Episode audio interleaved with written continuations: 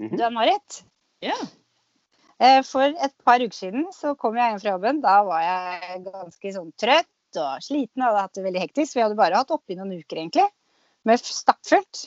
Så jeg har vært og handla, og så passa jeg hunden til datteren min. og kommer hjem, og så Han er sånn som hopper kjempehøyt og uler og er glad for å se meg. Og så får jeg sånn derre pling på telefonen, og så står det Studio Alf Art-team. Da, og så åpner jeg jo opp da, melding fra Kate, og så leser jeg bare sånn at eh, NFB ville skrive om kolleksjonen vår i, magas i magasinet Frisør, og at de vil bruke forsidebildet som jeg var med på å lage. Og det, jeg hadde for det første ikke visst at vi kunne komme på noe forside eller inn i det bladet i det hele tatt. For det var ikke det, det jeg tenkte når vi lagde kolleksjonen. Så grønn er jeg egentlig. Så jeg, det tok jo helt av i stua. Altså, jeg skreik, jeg hoppa opp og ned, ringte niesa di. Og prøvde å forklare meg. Hun bare 'Jeg må sette deg på høyttaler, jeg skjønner ikke hva du sier'. Og så kom jo du løpende opp, og hva skjer? Det var helt kalas, det for oss. Det var liksom julaften og lotto og nyttårsaften og alt i ett. Ja, virkelig. Det, det Ja, nei. Det var så gøy.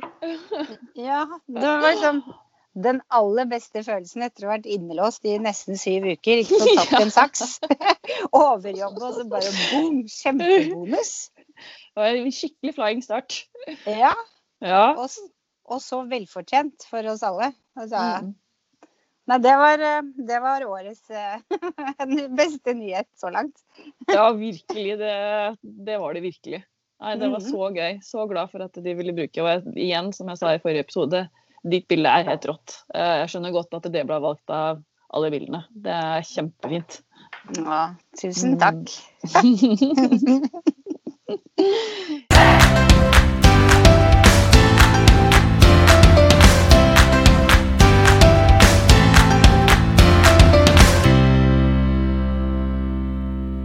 Ja, velkommen til Hårpodden. Jeg heter Ann-Marit. Jeg heter Renate. Din uke da, frøken? Jeg Uh, driver og lader opp til eh, ferie, holdt jeg på å si. Altså, jeg skal ikke ha ferie, men halvparten på jobb skal ha ferie, så jeg skal jobbe litt ekstra nå framover. Så bra. Så det gleder jeg meg til. Ja. Mm, hva med deg, da? Jo, vi hadde vår første ledermøte etter alt som har vært. Det var, var veldig morsomt, for vi var jo helt ommøblert på rom. Vi må jo sitte langt unna hverandre og ha restriksjoner. Kan ikke ha mat på bordet, og du veit. Det er var bare så godt å få se alle og få snakka ut om alt som har vært og, og sånn. Det, og så har vi jo da selvfølgelig sånn sommerfest etterpå, og det fikk jo ikke jeg vært med på. For da var jo jeg på mitt første møte med Oslo og omegn frisørlag. Stemmer det. Ja, så det har jeg blitt med på. Der sitter, nå har kommet inn i styret der, så det er enda en ball i lufta. Så det blir gøy. Ja, det, blir, det gleder jeg meg til å høre om. Det... Var det bra, forresten, det møtet? Det, det ja, det var kjem... Ja, ja, det var jo det. Altså, jeg var jo helt fersk, så det var mye å ta inn over seg. og det var kjempegøy å møte alle. Mange kjempestore personligheter så det, i faget vårt. Altså Så det, nei, det var veldig Nesten litt starstruck av å se noen av de, må jeg si. Og så blei det jo avslutta så bra, for endelig så fikk jo du og jeg tatt en middagsdate etterpå. Det var liksom det. det. var sånn goddag, det. ja. Si, har vi møtt hverandre siden koronaen i det hele tatt? Det tror jeg faktisk ikke. Nei, jeg har jo ikke det. Så det var bare kjempegodt. Ja, mm, så neste steg blir vel om man endelig får lov til å gi en klem igjen. Det blir jo det blir, jo, det blir jo, gave. ja. ja, når enn det blir. ja. Blir vel sånn 20 30 gang da, kanskje. Ja. Nei da. Det kommer nok fortere enn vi aner. Ja, jeg håper det. Det er hyggelig. Vi har med oss en gjest som vanlig, vi. Ja. Mm. Og dagens gjest er selveste sjefen for Loreal profesjonelle produkter i Norge. Vi gleder oss til å bli mer kjent med både han og deres filosofi. Velkommen til oss, Øystein um, Rudolfsen. Beklager.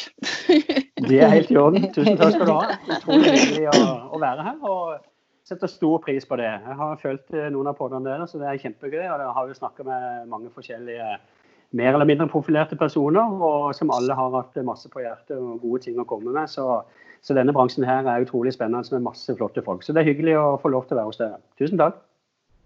Ja, det er veldig stas å ha deg med her òg. Helt topp. Nei, Jeg setter stor pris på det. Veldig hyggelig. Så jeg tror vi skal ha en fin prat sammen. Eh, men kan ikke du begynne med å fortelle litt om deg selv? Jo, det kan jeg. Jeg begynner å bli en godt eh, voksen mann etter hvert. Jeg flytta inn fra, fra Sørlandet da jeg var litt yngre, yngre voksen. og og jeg jobba i Loreal også mens jeg var på Sørlandet og reiste rundt og besøkte frisørsalonger der. Og flytta inn til, til, Oslo etter hvert på, på kontoret og uh, fikk forskjellige typer stillinger etter hvert. Og, og, vokste i systemet og fikk stadig nye muligheter og, og, nye tilbud. Og fikk lov til å utvikle meg veldig gjennom firmaet, som jeg har satt utrolig stor pris på. Og da plutselig er det godt over 30 år, da. Og det er, det er bare sånn som uh, Ikke visste jeg at det var selve livet. Det, det, det, er nesten litt, uh, litt sånn, altså. Så eh, når man er et sted hvor, hvor, det er så mye fart og så mye interessant og så mange muligheter i, i faget vårt, i bransjen, i firmaet osv., så, videre, så plutselig bare er det gått mange mange år uten at du får tenkt, eh, tenkt deg om. Så eh, det har vært helt fantastisk. Å bo på, på Jar, litt utenfor Oslo, i Bærum, og er gift og har tre flotte barn. Og, og er på et godt sted i livet. Men du begynte som selger, altså? Ja, ja, ja. ja, ja Absolutt. Det var helt fantastisk. Jeg syns det var helt strålende. Hadde noen fantastiske år eh, på Sørlandet. Eh, men fikk etter hvert forskjellige typer, typer oppgaver. Har vært igjennom eh, salgssjef, salgsdirektør og ja, ansvarlig for divisjonen osv. Eh, men jeg begynte, begynte, der, og det tror jeg i hvert fall for min del var utrolig nyttig. Fordi at man, man lærer seg virkelig og det glemmer du aldri, hva, hva, som betyr noe der ute. Hva som virkelig betyr noe for frisørene. Hvor er det skoen trykker, og, og, og, hvordan kan man bidra på best mulig måte. Og jeg har gjennom alle disse årene, ikke minst nå, prøvd å være så mye som mulig sammen med kunder. Være ute med, med kunder, for det er der det skjer. Altså, du kan tenke tanker på et kontor og være strategimøte med, med, Paris eller København eller, eller, hva det skulle være. Men det er jo først og fremst å, å se hva er det som treffer frisøren? Hva er det som treffer en lærling? Hva er det som treffer en driver, en eier? Det, det, er jo der vi virkelig kan gjøre den store forskjellen. Det hjelper ingenting hva vi måtte snakke om, hvis ikke det er det frisøren føler behov for. Så, så det har jeg virkelig eh, tatt med meg opp igjennom. Og uh, prøver å etterleve det så mye som mulig ute med kunder, faktisk. Så, så du er, går fra salong til salong fortsatt, eller? Det er ikke som en del av jobben i det daglige. Men jeg prøver så mye som mulig å være i forhandlinger, i diskusjonsmøter, ta del i om det er større kjeder eller enkeltsalonger. Eh, jeg er ute fremdeles på, på, på nye kundebesøk, har intervjuer. Prøver rett og slett å være så mye som mulig i kontakt. Og hender også tar en tur med våre businesspartnere eh, som er ute og besøker eh, salongene på daglig basis. Bare for å følge med, ikke for å kontrollere hva de gjør, for de er helt strålende men rett og slett for å for hele tida være oppdatert hva som skjer der ute. Det er superviktig å ha fingeren på pulsen. altså.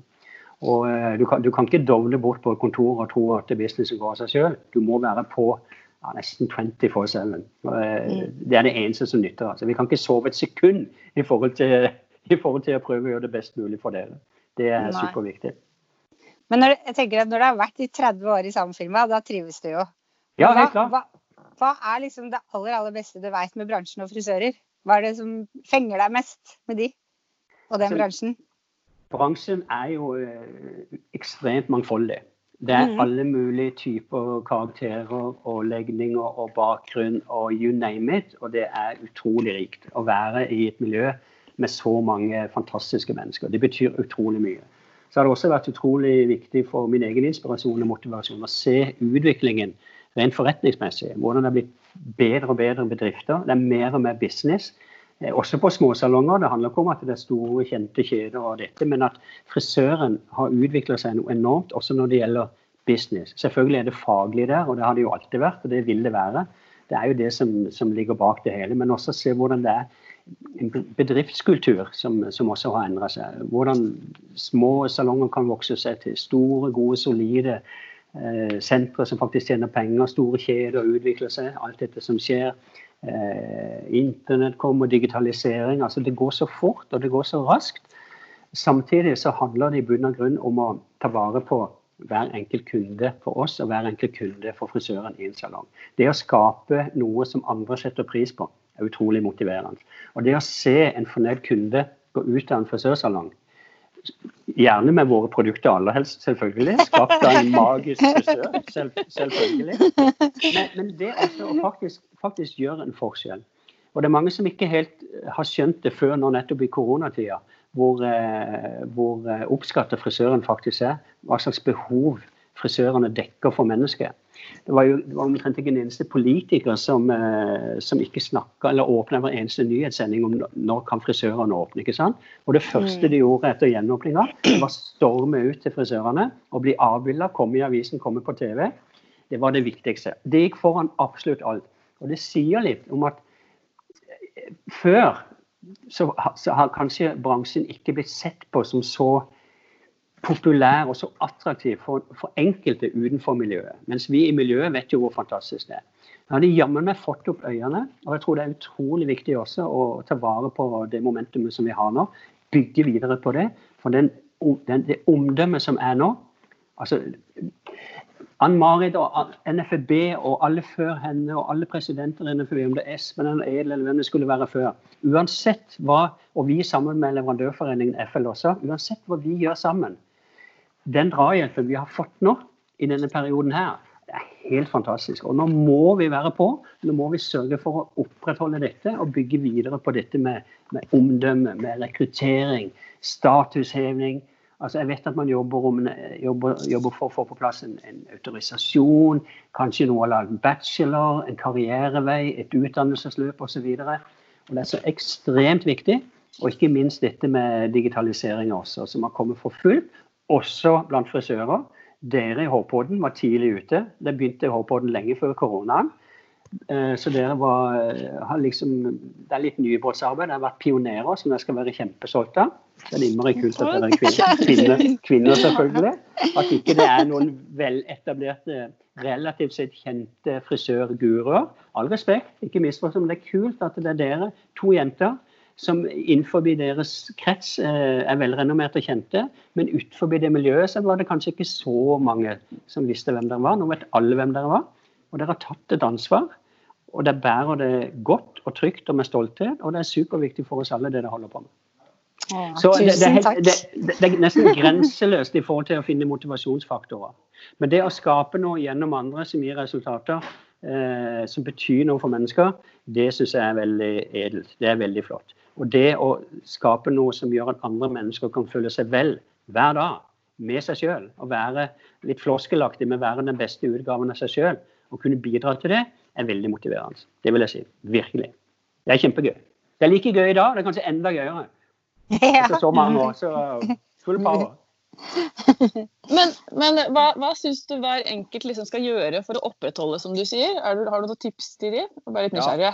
Ja. ja det, det er veldig mye, og, og lista er lang. Men businessmessig så er det jo ekstremt viktig å uh, Man må i denne perioden òg. Det er alltid viktig, men akkurat nå er det ekstremt viktig å være bevisst på kostnader, tenke lønnsomhet.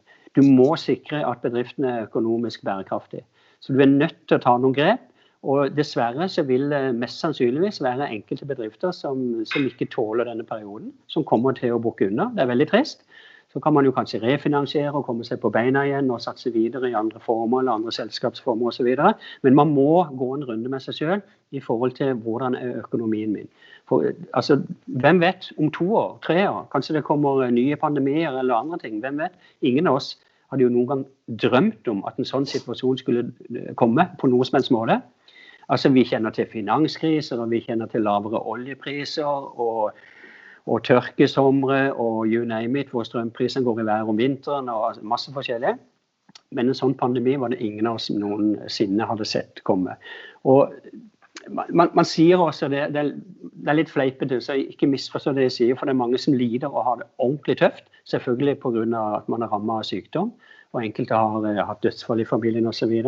Men også rent, uh, rent økonomisk så, så, må man virkelig tenke at uh, ja, det har vært en krise.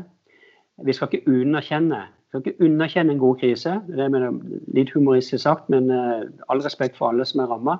Men man skal ikke underkjenne en god krise. Og med det så mener at man lærer mye. Man lærer mm. ufattelig mye. Og mange av oss trodde at uh, det er grenseløst hva man kan oppnå. Så plutselig så stenger hele samfunnet, og det får oss til å tenke. Så økonomi er utrolig viktig. Det er punkt nummer én. Punkt nummer to er i forhold til hvordan kan vi opprettholde en enda bedre service for kundene våre enn det vi kunne før. Vi var i en fase allerede før eh, lockdown at eh, forbrukerne søker nye typer opplevelser. Nye typer tjenester. Vi kan ikke gjøre det samme som vi gjorde i går. Det er allerede avleggs. Og det du gjør i dag, det kan du sannsynligvis ikke gjøre i morgen. Så du må være så på alerten i forhold til service, i forhold til å skape opplevelser.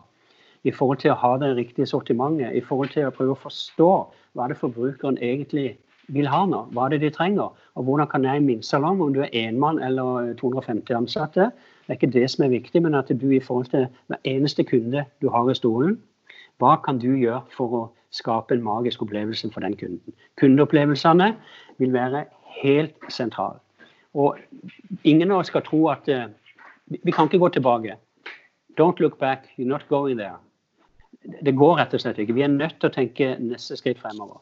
Og Digitaliseringa har også gjort at frisøren har våkna på en annen måte. Man har tilpassa seg nye måter å lære på. Eh, vi har hatt masse digitale sendinger som, eh, som, mange har sett, og det kommer vi til å fortsette med masse. Så jeg kommer litt tilbake igjen til det. Men frisørene har også begynt å kommunisere digitalt. Man har jobba eh, med sine kundegrupper også digitalt. Noen har hatt FaceTime eller Teams-møter med kunder osv. kan vi også snakke litt mer om. Men digitaliseringa, å gripe den, jobbe med de riktige kundeprogrammene som man har i kassesystemene sine, er superviktig.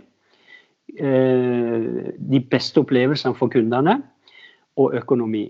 Og Når det gjelder det å kunne tilfredsstille kundene i forhold til hvilke behov de har Vi tror nok at det er ikke lenger nok å bare prøve å forstå det når kunden er i stolen. Jeg vet ikke om dere har lest den siste frisørundersøkelsen. NFEB og FL sammen. Vi spleiser på eh, frisørundersøkelsen. har vi gjort det to år på rad. Så utgave nummer to den var ferdig rett før lockdown. Og dessverre så må jeg si at det, det er, har ikke vært så stor endring på den første undersøkelsen vi gjorde, til den andre. Og Da spør man vilkårlige 1000 personer i forhold til hvordan de opplever frisørbransjen, opplever sin frisør. Og Jeg skal ikke gå gjennom hele den, men jeg kan si to helt konkrete punkter som er, som er alarmerende, som vi må ta eh, på ansvar alle sammen, og vi sammen som bransje. Det ene er eh, mangelen på en kompetent og grundig konsultasjon. Alle frisører sier de tar konsultasjonen. Ikke sant? Ja da, det har vi jobba med i alle år. Og ja, vi begynte på 90-tallet. You Vi, vi, kjenner det der alle. Og det er ikke det at folk, mange frisører og salonger tror at eh, eller de tror mange at man gjør en konsultasjon, men kunden oppfatter ikke at det er en konsultasjon som virkelig går i dybden på hva er det kunden faktisk har behov for. Hva er det de trenger. Og de der få minuttene på et egnet sted, en rolig samtale, og virkelig ta kunden på alvor, Altså, jeg kan ikke understreke det tydelig nok.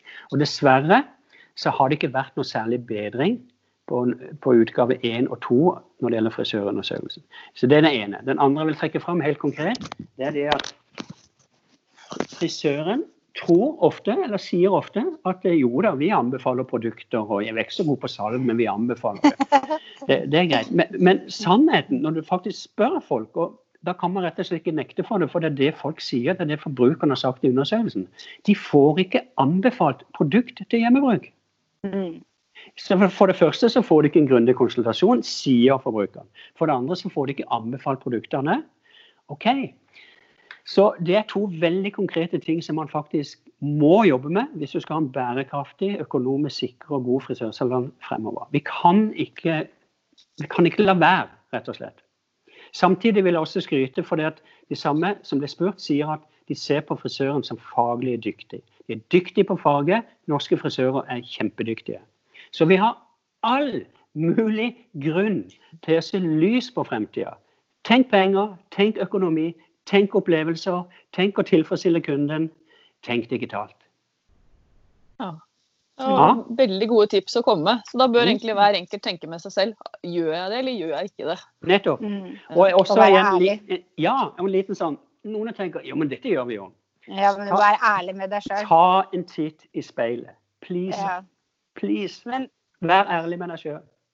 For Alf har jo sagt, vår tidligere sjef, ja, han sa jo det at når det kommer til produkter, så blei det som om å gå og kjøpe en, for en pose med Toro-suppe, eller lage en matoppskrift, og så ikke ha hele ja. Ikke ha, halv, ha inn, eller beskrivelsen på baksida, og bare lage ting på måfå. Yes. At det er det kunden liksom går hjem med, hvis vi ikke forteller hvordan vi ja. gjør ting, eller hva vi bruker for å komme til resultatet.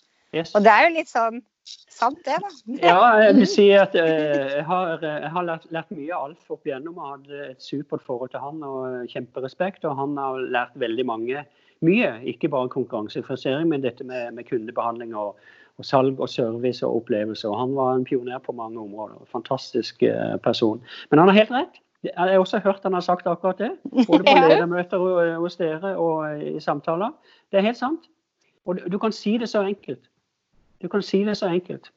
Altså Hvis du forventer en gourmetmiddag og er på en mm. flott, lekker restaurant, og du ser mm. kokkene braser i lokalet, det dufter og det ryker og det gnistrer, og du har eh, velkledde, flotte kelnere eller kvinner eller menn, det spiller ingen rolle, eh, som lager en opplevelse. Det er helt magisk. Det er helt fantastisk. Ja. Men hvis du da får en, en brent, eh, tørr liten hamburger, og du forventer en gourmetopplevelse, så blir det krasj. Ja, det, det funker ikke. Så vi må gå den ekstra mila. Hvis ikke så har vi tapt. Kunder kan lære hva som helst. De ser på YouTube, eh, TikTok, you name it. Eh, de er digitale som bare rakkeren. Og de ligger gjerne langt foran både oss og, og, og, frisørene i forhold til nye trender. Det skjer jo nesten daglig. Så er det et eller annet nytt som popper opp. Og så kommer de i salongen, og så aner ikke vi eller frisøren hva de snakker om. Satt på spissen. Så kon konsumenten er så digital, og de er så langt fremme. Og vi har et ansvar. Vi må være digitale. Vi må følge med. Om ikke vi nødvendigvis passer på alle plattformene, så må vi vite hva som skjer der. Hva er de unge opptatt av? Hva er de unge voksne opptatt av? Og de godt voksne og de eldre. De lever jo helt andre liv i dag enn det de gjorde for mange år siden. Altså 70 er det nye 50. Come on. Det, det, er, det er, grenseløst. Og de er sugne på å ta godt vare på seg sjøl. Penger har det. Eh, bank i bordet i forhold til etterspillet etter korona, selvfølgelig. Penger har det. Eh, mulighetene har de. Tid har de. Det er en helt annen hverdag. Men jeg vil også legge til dette her med individualisering. Nå snakker jeg mye, men jeg sa hvis, hvis det er too much, så får jeg beskjed. Ja, det, er, det. Nei, det er bare kjempespennende. For, i, for, i, I forhold til individualisering det er så mange personlige ønsker, og ingen vil se helt like ut. Og det å kunne tilpasse tjenestene ut fra hva kunden egentlig vil ha, det er helt sentralt. Det er helt key. Jeg har også sagt i et intervju med, med magasinet Frisører at du kan ikke være alt for alle. Du må, du må, velge hvilken frisørsalong vil du ha, hvilke frisører vil du ha, hva slags budskap, hva slags identitet er det du står for. Og, og Jeg tror du må rendyrke det, for du kan ikke bokstavelig talt skjære alle over en kam.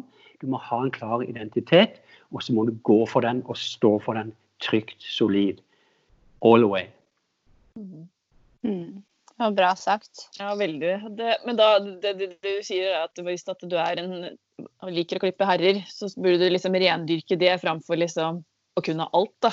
Ja, det tror jeg absolutt. Mm. Og, og, hvis du mm. ser hva som har skjedd de siste årene i forhold til barbershops og, og men's grooming og alt dette, det lå brakk. Altså helt siden eh, du vet, kanskje slutten av 70-tallet, begynnelsen av 80 var det hvor disse gammeldagse i gåsehudene herrefrisørene rett og slett bare feida ut. Det ble unisex. Mm. Og eh, den, den, det som da var en, eh, en, en, stolt yrkesgruppe, forsvant nesten. Nå er det tilbake for fullt. Fordi at herrer har andre behov. Herrer er forfengelige. Herrer vil ha grooming. De vil se bra ut. De vil være hot. ikke sant? Om de er 18 eller om de er 70, who cares?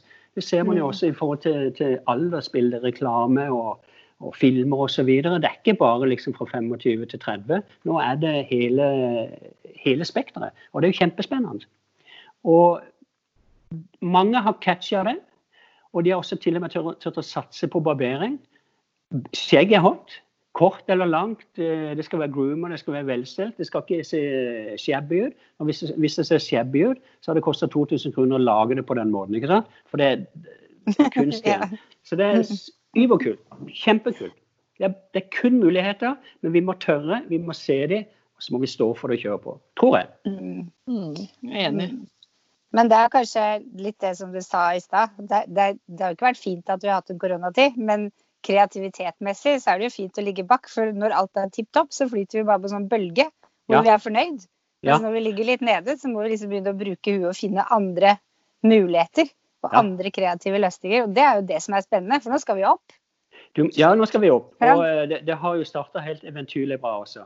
Men skal, Ja. du, skal, du skal aldri være fornøyd. Aldri tenke at uh, du, må- du må alltid altså, det ikke, Du skal være fornøyd med deg sjøl og livet, ikke misforstå. Det er ikke det jeg sier. Men sånn forretningsmessig og, og, og, og fagmessig så tenker jeg hvis du hele tida tror at du kan litt bedre, og du vil lære enda Mm. mer, og hele tida tror at uh, dette vil jeg lære mer, og dette var nytt og spennende, og ikke sovne og tenke at nei, nei, men dette har vi gjort i alle år.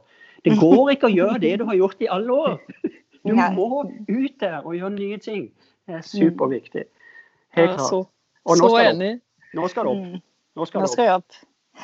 Og jeg kan si det også for, eh, altså for vår del etter gjenåpningen. Det har vært eh, helt fantastisk. Det er så mye glede i salongene, det er så mye trafikk. og Nå er vi snart ferdig med juni, og det, det holder seg. Det er, det er fullt trøkk. Vi skal inn i en juli som eh, også tror blir veldig spennende. Folk flest er hjemme, vi er i Norge. Eh, Hva gjør, vi, hva gjør man eh, med pengene sine da? Ikke kan du kjøpe taxfree, ikke kan du ditt og datt. Ikke kan du få billig vin eller noen ting som helst, men du kan ta vare på deg sjøl og bruke pengene på hverdagsmagi og hverdagsluksus. Så jeg tror veldig på en, eh, en sprek juli, for å være helt ærlig. Og igjen, det at folk har fått øynene opp for sitt lokalmiljø, for sitt nærmiljø, for sin lokale frisør. Altså, eh, NFB har vært fantastisk, jeg vil gjerne skryte av de. Jeg syns det er en super organisasjon. Har et supert forhold til de hele gjengen. Også gjennom eh, leverandørforeningen FL, men også personlig gjennom, gjennom Loreal. Så, så tar jeg med hatten for det de står for og det de har fått til. Jeg syns de fortjener kjemperos. Vært utrolig, utrolig flinke. Men ja, vi skal opp og fram. Vi kan ikke hvile på noen laurbær i det hele tatt. Vi må opprettholde dette trykket. Da har vi en gyllen sjanse. Status, statusen til bransjen er heva. Eh, det er nesten, altså, frisørbransjen har nesten blitt sett på som en samfunnskritisk eh, eh, rolle. Ha, ha en samfunnskritisk rolle, ikke sant? Og det er jo helt, helt fantastisk. Og igjen, som jeg det som jeg nevnte i stad, det, det kan du ikke få til med noen PR-kampanjer. Uansett hvor mye penger vi i fellesskapet putter inn i det. Så, så det, det kom, kan komme noe godt ut av en krise. Så vi skal ikke Mm. underkjenne en god krise. Vi må gønne på. Dette skal har- gå veldig bra fremover for de aller fleste. Og de som har problemer, Og vi prøver å støtte og hjelpe også, selvfølgelig. Vi har et felles ansvar. Ja, og det, har, det sa jeg forrige podd òg, men eh, jeg har kunder som kommer midt på dagen og sier at det, sjefen sier er helt innafor å komme og klippe seg midt på dagen. De har liksom blitt en sånn Selvfølgelig. Å ja, du har time, og så heldig du er. Ja, Ja, det, er- det er liksom sånn det har blitt. Det er jo helt Ja, fantastisk. fanta- ja, det er veldig, veldig bra. Veldig interessant. Mm. Veldig. Det er blitt, eh, altså Rollen til frisøren er, er helt, helt øverst for tida. Så, eh, og, og hvis vi skal få til å opprettholde den, så er det viktig også at vi jobber videre med omdømme. Det vet jeg forbundet gjør. Vi jobber mye med rekruttering. Vi jobber med utvikling av skolene, både private og, og de offentlige. Lage karriereveier og gjøre det synlig hvor eh, kult det er å jobbe som, som frisør og hvilke muligheter som kan ligge der. Altså, du kan være alt fra en eh, enkeltmannsbedrift til å styre digre konserner med hundrevis av medarbeidere. Det er helt fantastisk. Det er så kult. Så denne bransjen, ja, ja, det er det, altså. Så denne bransjen fortjener masse positivt lys på seg. Men det kommer ikke av seg sjøl. Nå fikk vi drahjelp av en krise nå. Må vi spille videre på det og satse alle mann i, fellesskap. Og Det gjelder alle oss leverandørene, uansett hvilke merker og agenter og hvem du representerer. spiller ingen rolle. Frisørene og leverandørene, NFØB, vi sammen har et felles ansvar for å få til dette. Og Vi må ta det ansvaret, og Loreal er med på å ta det ansvaret som en av de ledende leverandørene. Det, det er ikke noe å diskutere. Vi må være det. Men det som er litt kult dette her, det er jo f.eks. at Adam Eva-skolen De har jo fullt, de har venteliste på søkere. Mm mhm. På skolen, Det har du, er det sant? Ja, Mhm. ja, det er sant. Så bra! Og det er jo, det er jo helt gull. Det er fantastisk. Det er überkult. Det er virkelig bra. Eh, Og så det, har du Kuben, som ligger på Økern, Ja, som plutselig skal ja. ned på Edvard Munch. Det er midt i Ja. Oslo sentrum. Ja. Da blir det lett å rekruttere Ja. frisørspirer. Helt klart. Så det, så det, det- året det er har egentlig starta bra. Ja, det, er altså, ja, helt topp. Og for dere, om dere er i den salongen som dere representerer, eller andre, jeg tror det kan bli, bli et bra tilsig. Jeg vet det er flere som har meldt seg inn i forbundet også. Det er en vekst der. Det er en økt eh, positivitet rundt bransjen. Vi, men vi må være til stede på utdanningsmesser, vi må være til stede der de unge søker informasjon. Vi må være i skoleverket, snakke med rådgivere. Og det kan ikke være sånn at rådgivere på skolen sier at, eh, at eh, ja, ja, du kan jo alltids bli frisør. Det skal være de som sier Vet du hva? Du kan kanskje få, skape en karriere i frisørbransjen. Der har du Mm. fantastiske mange muligheter. I salonger, på leverandørsida, bedriftssida, altså whatever. Det er magisk hva man kan få til. Mm. Virkelig. Så det, er- Der må vi komme. At det, man anbefaler folk å bli frisører. Og ikke tenke ja, at nei, ja, du kan alltids bli frisør. Nei, man skal anbefale det. Og jeg vil også slå et slag et annet, når du først har, du først har fått meg i gang. En annen ting er i forhold til hvordan media vinkler det, eller pleide å vinkle det. Nå har det blitt vinkla positivt nå, gjennom krisa og etterpå. Men i forhold til dette med at det er et lavtlønnsyrke osv. Hvis du tar bort lærlingene Lærlingene er jo studenter som får lønn. Ikke sant? Mm. I prinsippet så er det studenter som får lønn. Og, og lærlingordninga det, i, i håndverksfagene er jo det eneste stedet hvor man faktisk har det. Jo ingen andre steder bortsett fra i Forsvaret hvor du får lønn under utdanning. Så det er egentlig helt fantastisk. Og hvis du tar bort det fra lønningene, så vil man jo se at snittet på lønningene er jo vesentlig høyere. Og det er mange ledere som tjener kjempefett. Det er eiere som også har gode inntekter. Det er den jevne frisør som kan tjene kjempebra med smart håndtering av listene osv. Fylle ut listene sine, vær smart på booking, rebooking ikke minst. Eh, når du tar eh, rebooking, hvorfor skal du sette de opp på, på de tidene hvor du, det detter inn kunder uansett? Altså Fredag ettermiddag, det er ikke da du fører opp kundene, de kommer uansett. Du skal sette de på mandag og tirsdag morgen, fylle opp, og selvfølgelig også sørge for at eh, de tidene som, som alltid blir fulle, de er ikke så tilgjengelige. Man skal være litt kjipe på de, og så fylle opp løpende og sikre rebookinga. Har du sikra rebookinga, så starter du neste dag med en fantastisk god business og noen deilige, flotte kunder som dere kan stelle og gjøre fornøyd. Det må være bra. Mm, absolutt. Mm. Men du, jeg bare lurte på en ting. Under koronatida, hva var det dere på Loreal gjorde da? Hva var det dere brukte liksom Ble dere permittert, eller hva gjorde dere?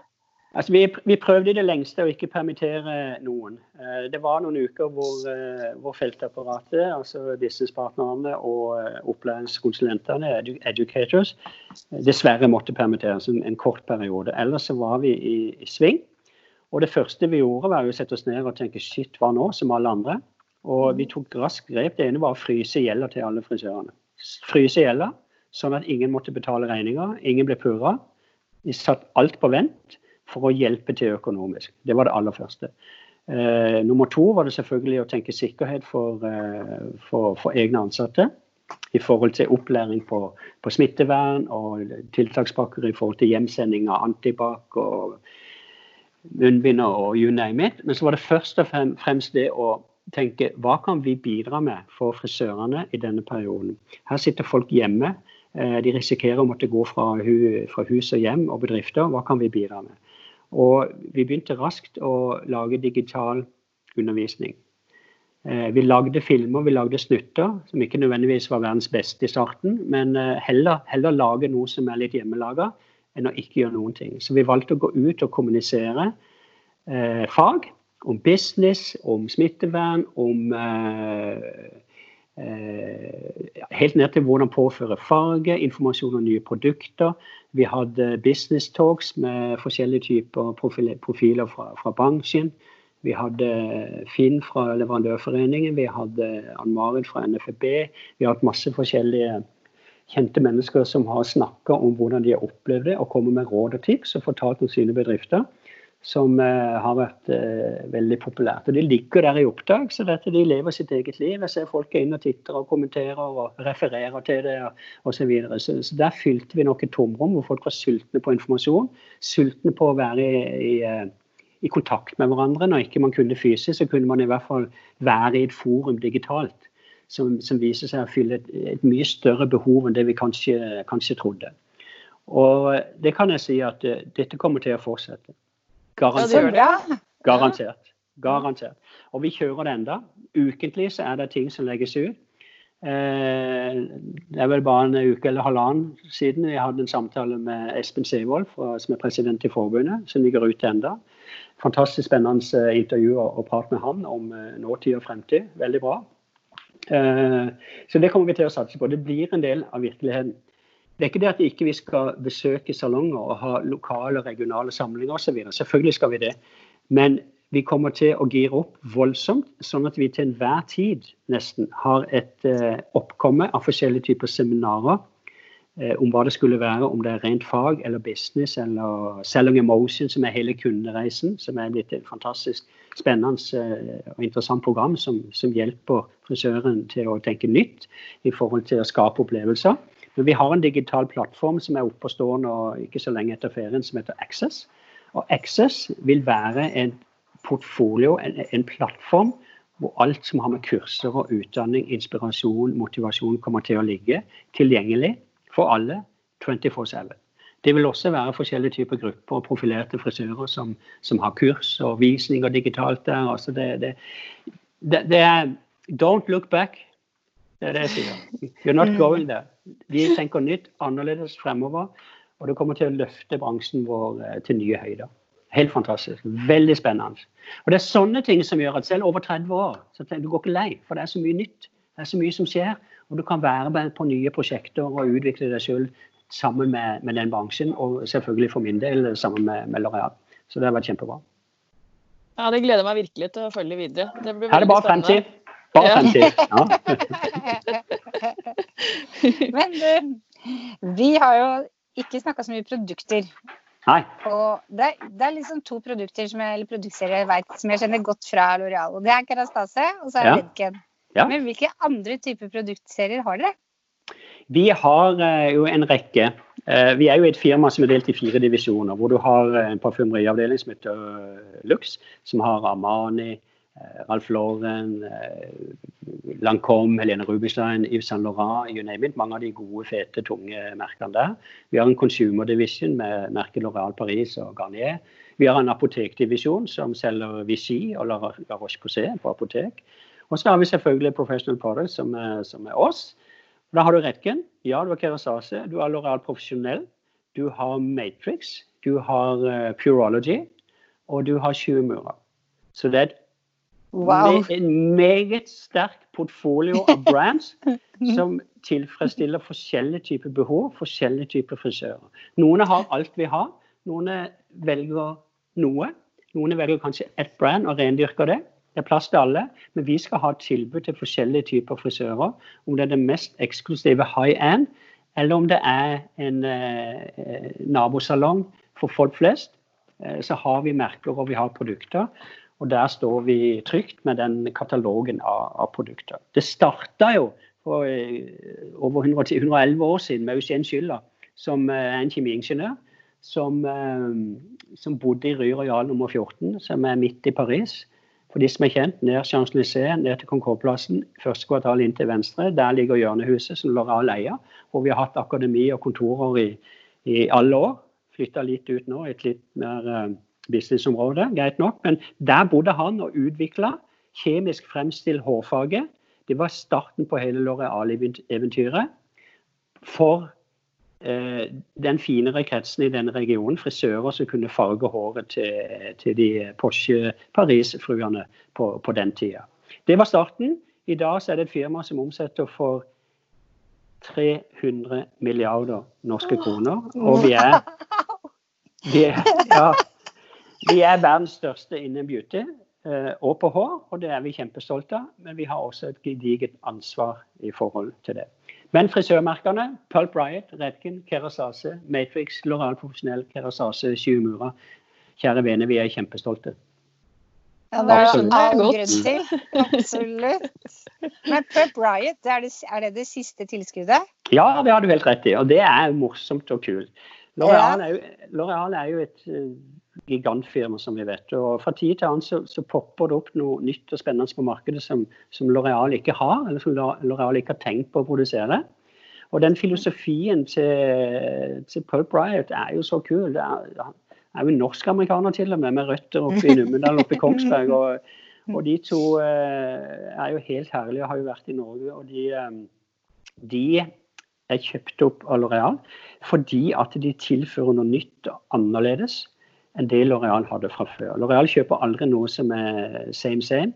Aldri. Og vi ønsker ikke å annektere det heller, for det er, det er ikke noe vits. Hvis du har noe som analog tilsvarende, så, så what's the point? Men når det kommer helt nye, spennende ting som, som man ikke, ikke, har, Og pulp har en nerve som er helt annerledes. Det har vokst eh, digitalt. En ja, egen, og slett. En, en egen squad, en egen fanskare. Unge mennesker mm. som har bygd merket. Eh, de skjønte jo ingenting sjøl heller. Fra salongen i The Butterfly Loft borte i LA, og så hvordan det bare har eh, gått uh, viralt over hele verden. Og nå er et megabrand som er kanskje de råeste og de kuleste trendfagene du kan ha. Men så ser man jo at andre typer merker, om det er oss eller andre, også annekterer nye typer fargekonsepter osv. Men pulp har en egen menighet. Det er en egen greie. Det er tøft som bare akkurat når det blir kjempegøy å, å, å følge Pulp Bride fremover. Veldig mm. kult. Mm. Det er bra å ha en på laget som er skikkelig god digital òg, når det er den veien man ønsker å gå. Ja, jeg vil jo, jeg vil jo tro eller, altså, L'Oreal som firma har jo hatt veldig godt av det også. For man har, klart, mm. man har lært veldig mye av, av, av det som skjedde med, med Pulp Riot. Og se hvor fort mm. det kan gå fra ikke noe til å bli et globalt eh, megabrand. Det er jo helt og, og, ingen hadde trodd det. Nei. Så det, det, er kult. Veldig kult. Godt eksempel på at du kan komme fra ikke noe til bare multinasjonalt stor suksess internasjonalt. Uh, ut av ikke noe på, på tre år. Boff. Det er imponerende. Ja, veldig. veldig. Jo da. Men du, jeg, eh, for noen år, år, tilbake, ganske mange år tilbake faktisk, så var jeg så heldig å få komme til dere og klippe for brystkreft. Mm. Og så Da sto, var det masse frisører som var der, og så mm. klippa vi, og så gikk alle pengene til det. Mm. Har, dere sånne ting fortsatt, eller? Ja. Eh, L'Oreal har plikt til å gi tilbake til samfunnet, eh, både i Norge og internasjonalt. Det er en plikt. Altså vi, hos oss har vi noe som heter at vi er, vi er global citizens. Vi mm. har plikt til å ta vare på miljø, mennesker, sikre mangfold når det gjelder eh, kultur og etnisitet, legninger, religion, whatever. Det, det er en plikt. Eh, vi har egne Internt så er det veldig mye fokus. og Det er mye trening og opplæring for hele tida å opptre, opptre korrekt. Vi er et av de få firmaene i verden som har en egen etisk toppleder. altså i, i i styrene, eller toppledelsen i firmaet, så har vi en egen såkalt eh, ethic eh, officer, som er i toppledergruppa worldwide. Han har vært så heldig å møte. Eh, jeg hadde et gruppemøte med han i Norge for noen år siden. og Utrolig spennende å høre alt som han er borti i forhold til det etiske og moralske, som er kjempeviktig. Men i forhold til konkrete støtteordninger altså FN for noen år siden utpekte 17 kjerneområder i forhold til å ta vare på mennesker og kloden. I forhold til bærekraft, i forhold til å opptre etisk korrekt osv. Loreal er direkte involvert i 14 av de 17 punktene. Wow. Eh, et konkret, Det er voldsomt.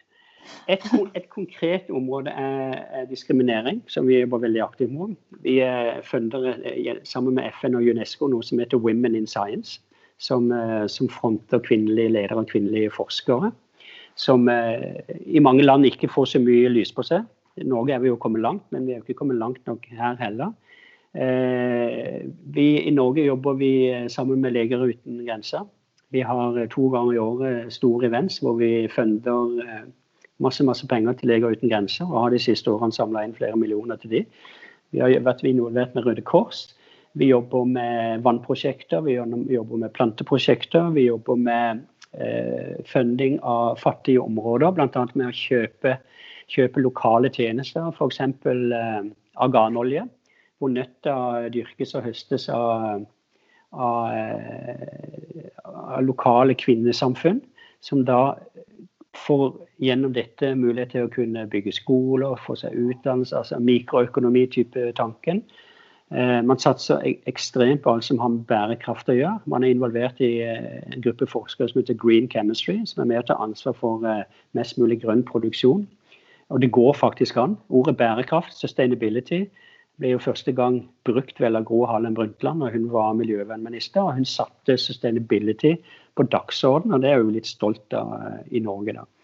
Eh, vi jobber med et prosjekt som heter Episkin, som er en egen bedrift, egen eh, fabrikk, som produserer kunstig skinn, om man vil. Altså det er bakteriekulturer som oppfatter seg som, eh, som, som hud, nærmest. Og det er jo veldig mange år siden man var involvert i andre forskningsmetoder og testmetoder som, som i dag er, er helt no-no, som man selvfølgelig ikke gjør. Eh, det er helt andre tider, og heldigvis for det. Og eh, selv i Kina kan jeg si at eh, våre metoder for kunstig, altså kunstig testing på bakteriekulturer som ligner på hud, faktisk er godkjent. I motsetning til tidligere, hvor Kina forlangte at det skulle være dyreforsøk for å slippe inn på det kinesiske markedet f.eks. Alt dette er endra, og vi går foran, og vi har et ansvar. Så vi jobber med fattigdom, vi jobber med biomangfold. Eh, vi høster aldri noe som eh, ikke kan vokse opp igjen. Alle nye produkter og formler og emballasje skal ha enten en samfunnsmessig eller en eh, bærekraftig fordel. Vi er kommet ekstremt langt. Og vi hadde et program som ligger ute på nettet. Ligger, hvis du går inn på L'Oreal, så heter det L'Oreal Foundation eller Sharing Beauty with All. Der ligger alle de forskjellige programmene som vi er involvert i og alt det man gjør. Men vi satte noen hårete mål innen utgangen av 2020 for å redusere drivgassutslipp, karbonfangst eller karbonreduksjon, eh, endring av emballasje, vann, eh, vannreduksjon osv. Eh, jeg kan nevne nå at den fabrikken som leverer varer til Norge, den ligger i Burgos i Spania. Den er nå 100% altså Den har en 100 vannsirkulasjon. Man, man, bruker vannet om og om igjen. Dvs. Si at man har redusert forbruket markant, selvfølgelig. Så i den store verdenssammenhengen så kan man si ja, det er én fabrikk, men, dette er jo da målet overalt etter hvert. At vi skal være så, så eh, teknologisk langt fremme at vi faktisk gjennom styrken og størrelsen til L'Oreal faktisk kan ha denne type bedrifter. Og det neste som også kommer, den 24. juni, så er det en stor pressekonferanse i Paris med vår toppsjef Jean-Paul Agon, som lanserer det nye Sharing Beauty with All, eller L'Oreal for the Future, eh, for de neste årene som kommer. Først er det hva vi har oppnådd fram til 2020, og hva de neste satsingsområdene hva kommer L'Oreal til å forplikte seg til. Og L'Oreal er på børsen i Paris, ved en internasjonal spiller. og Hvis vi går ut i media og sier dette er vårt mål, så er det jo så viktig også for aksjekursen at man faktisk når det. Og det at L'Oreal har oppnådd disse målene man har satt seg i 2020, det gjør at eh, vi har en aksjekurs på 276 euro i skrivende stund for én aksje. Jeg husker når den var på 60-64. Eh, så man kan eh, mm, Så det skjer nå. Helt klart. Det er kjempespennende. Men vi har et ansvar. Vi må gi tilbake igjen til samfunnet. Et annet konkret prosjekt som jeg har lyst til å nevne, det er fra favelaen i, i Rio hvor det er så ekstremt mye fattigdom. Der satte man i gang med merket Matrix, som er et demokratisk eh, brand. Kult, det er hot, men det er tilgjengelig.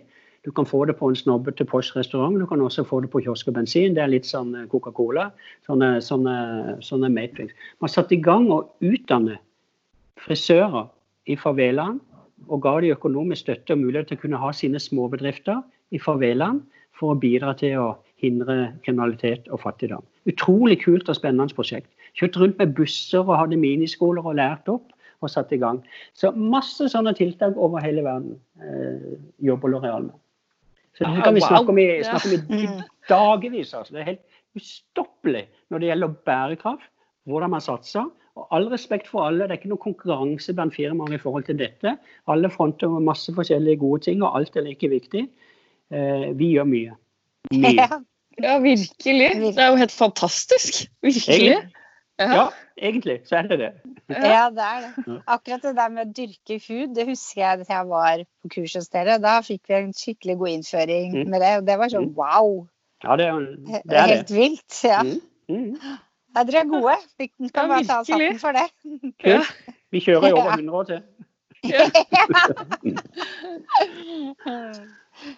Eh, vi har snakka om det mye allerede, da, men hvis du kunne forandre én ting med frisørbransjen, hva skulle det vært? Eh, det ville helt klart være eh, omdømme, å få det enda høyere, og en autorisasjon. Å få en autorisasjon på eh, sertifiserte frisører. Mm. Det, det trenger vi.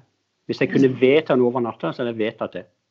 Mm. Nå kan jeg ikke det, men vi kan jobbe positivt mot det i alle de kanalene vi har mulighet. Så det, det vil jeg helt klart. Fått en avskalling i forhold til useriøse aktører og få det autorisert. At eh, Er du autorisert frisør, så er, er du en garantist for at du har vært gjennom den type trening, den type utdannelse. Du driver bærekraftig, du driver forsvarlig. Du tar hensyn til lover og regler. Altså all in i forhold til hvordan man som, som uh, samfunnsborger faktisk skal, skal drive. Mm. Det ville jeg endre hvis jeg kunne. Men vi skal bidra på vår måte til at det forhåpentligvis kan skje, sammen med forbundet. Mm. Så bra. Mm. mm. Og så har vi noen faste spørsmål til deg. Ja. Hva, hva er ditt must-have til håret? Nå er jeg spent. eh, akkurat nå så er jeg veldig glad i eh, Redken sin eh, dry shampoo paste, som er en morsom, kul sak. Akkurat nå som jeg sikkert her ser, som ikke lytterne kan se. Jeg har en kone som er eksfrisør, så i dag har jeg fått eh, sommerklippen. Så nå er det nesten skinfade og relativt godt på toppen. Da, eh, da blir det den, eh, den eh, dry shampoo-pasten til Redken. Den er superkul, og den bruker jeg når jeg, når jeg har det kort. I min alder så er det ikke alle som har hår. og jeg, så, jeg, har i hvert fall hår, så da bruker jeg litt forskjellige typer produkter. selvfølgelig. Men når det er litt lengre, så er jeg veldig glad i uh, pleieproduktene i solserien til Kerastase. Jeg er glad i Biolage uh, fra Matrix. Jeg er veldig glad i uh, stylingproduktene også til Oral Profesjonell. Fix Design. Sprayen uh, bruker jeg gjerne, og Fix Max Gelé, selvfølgelig. Shimura har en liten luring som heter Moroto Volume, som er et sånn fantastisk eh, multius pleieprodukt som gjør håret helt, eh, helt fantastisk. Så det er, det er, liksom noe i alle Alle de merkene har sine nullkorn. Altså. Så det er litt mer hva man, eh, hva man, foretrekker. Men for meg så blir det dette blir svaret. Ja. Det er så gøy, mm. gøy, å høre når du svarer, for å høre at du virkelig brenner for produktene og det du jobber med. Ja, man gjør det. Mm. Veldig. Ja. veldig. Og, det, og, igjen, altså det Det er fordi at bransjen er så spesiell. Den er så annerledes i forhold til entusiasme og glød. Og fargerike, fantastiske mennesker og folk som vil skape noe, og gjøre en forskjell for andre. Det er superviktig. Det blir aldri dølt. Det blir aldri kjedelig på noen som helst måte. Og det er også at eh, det firmaet har vært så heldig å jobbe for og, og, og lede i Norge, er er helt fantastisk. Jeg syns det er enda mer spennende dag for dag. Å gå inn i det digitale skiftet her nå også, med brask og bram, det er kjempekult. Så jeg er all in. Kjører noen år til. Så godt. Hva inspirerer det? Det vi snakker om nå, inspirerer meg. Det er å se mulighetene, det å få lov å oppdage nye ting. Og det å kunne bidra til å gjøre en, eh, gjøre en forandring. Det er veldig inspirerende. Det syns jeg er helt fantastisk. Så det å skape noe sammen med andre er veldig, veldig gøy. Det holder virkelig livet i pumpa. Altså. Ja, det skjønner jeg. Mm. Eh, og hvor er du om fem år? Det er forhåpentligvis eh, på, eh, på, samme sted. Jeg begynner å bli en smule voksen, og det er helt fint. Det er plass til unge, midt i og godt voksne. Sånn skal det være. Mangfold hos oss. Så jeg tenker at hvis ikke underlige, merkelige, spesielle ting skulle skje, så, så, ser jeg jo for meg at eh, jeg står nok distansen ut i, i Loreal. Hvis jeg får lov til det. ja. uh, og hvor finner vi dere på sosiale medier? Du, vi er all over. Vi har uh, L'Oreal Academy. Alle merkene har, har sine. Uh, vi har en Instagram-konto som heter My Heartbeats Pro, som er veldig kul. Der har vi alle vår egen pro-konto også. Min f.eks. er Rudolf Pro. Uh, My Heartbeats Pro. Den er veldig ikke den, kanskje ikke den mest spennende i hele verden, men det legger ut litt snutter fra dagliglivet og hva vi holder på med. og, og hyper litt, og eh, det, det, er morsomt. så Mange har jo en vesentlig mer aktiv konto enn min, men vi har en felleskonto som heter My Heartbeats Pro. Der er det veldig mye å følge med på. Og, vi på, og alle merkene har sine egne. Uh, og L'Oreal Academy Oslo legger ut veldig mye om hva som foregår på, av kurser, digitale kurser osv. Og, så og det ligger også inn under alle, alle merkene. Og Så kommer jo Access der også utover høsten med alle disse kursene som jeg, som jeg nevnte. Så stay tuned. Be there. Ja, fantastisk. ja. ja. ja, det her har vært en helt fantastisk episode, Øystein. Jeg er kjempe, kjempe, kjempeglad for at du, du ville stille opp. Og jeg tenker jo nå at jeg kunne faktisk tenkt meg å komme til dere og få hørt mer, mer, på deg. For det er jo så inspirerende å høre framtidsvisjonene deres og alt som skjer rundt dere. Anytime. Anytime. Ja. Vi har, eh, vi har åpen dør, og etter sommeren så åpner vi også dørene på, på akademiet, sånn at vi til og med kan ta imot gjester, tenker vi. Så, Oi, eh, så bra. Men vi kommer til å være både fysiske og digitale til stede på, på de ulike plattformer. Og eh, vi gleder oss til å være sammen med dere eh, på alle mulige måter. Det er virkelig, virkelig spennende. Så jeg er veldig takknemlig for at dere inviterte meg. Det var kjempegøy å snakke med dere.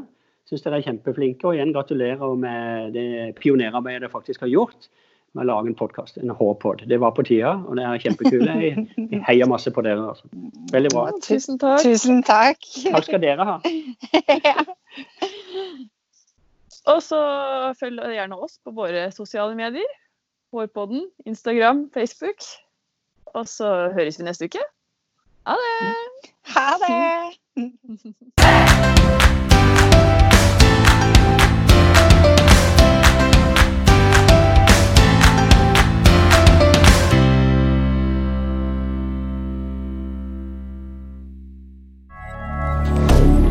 Moderne media.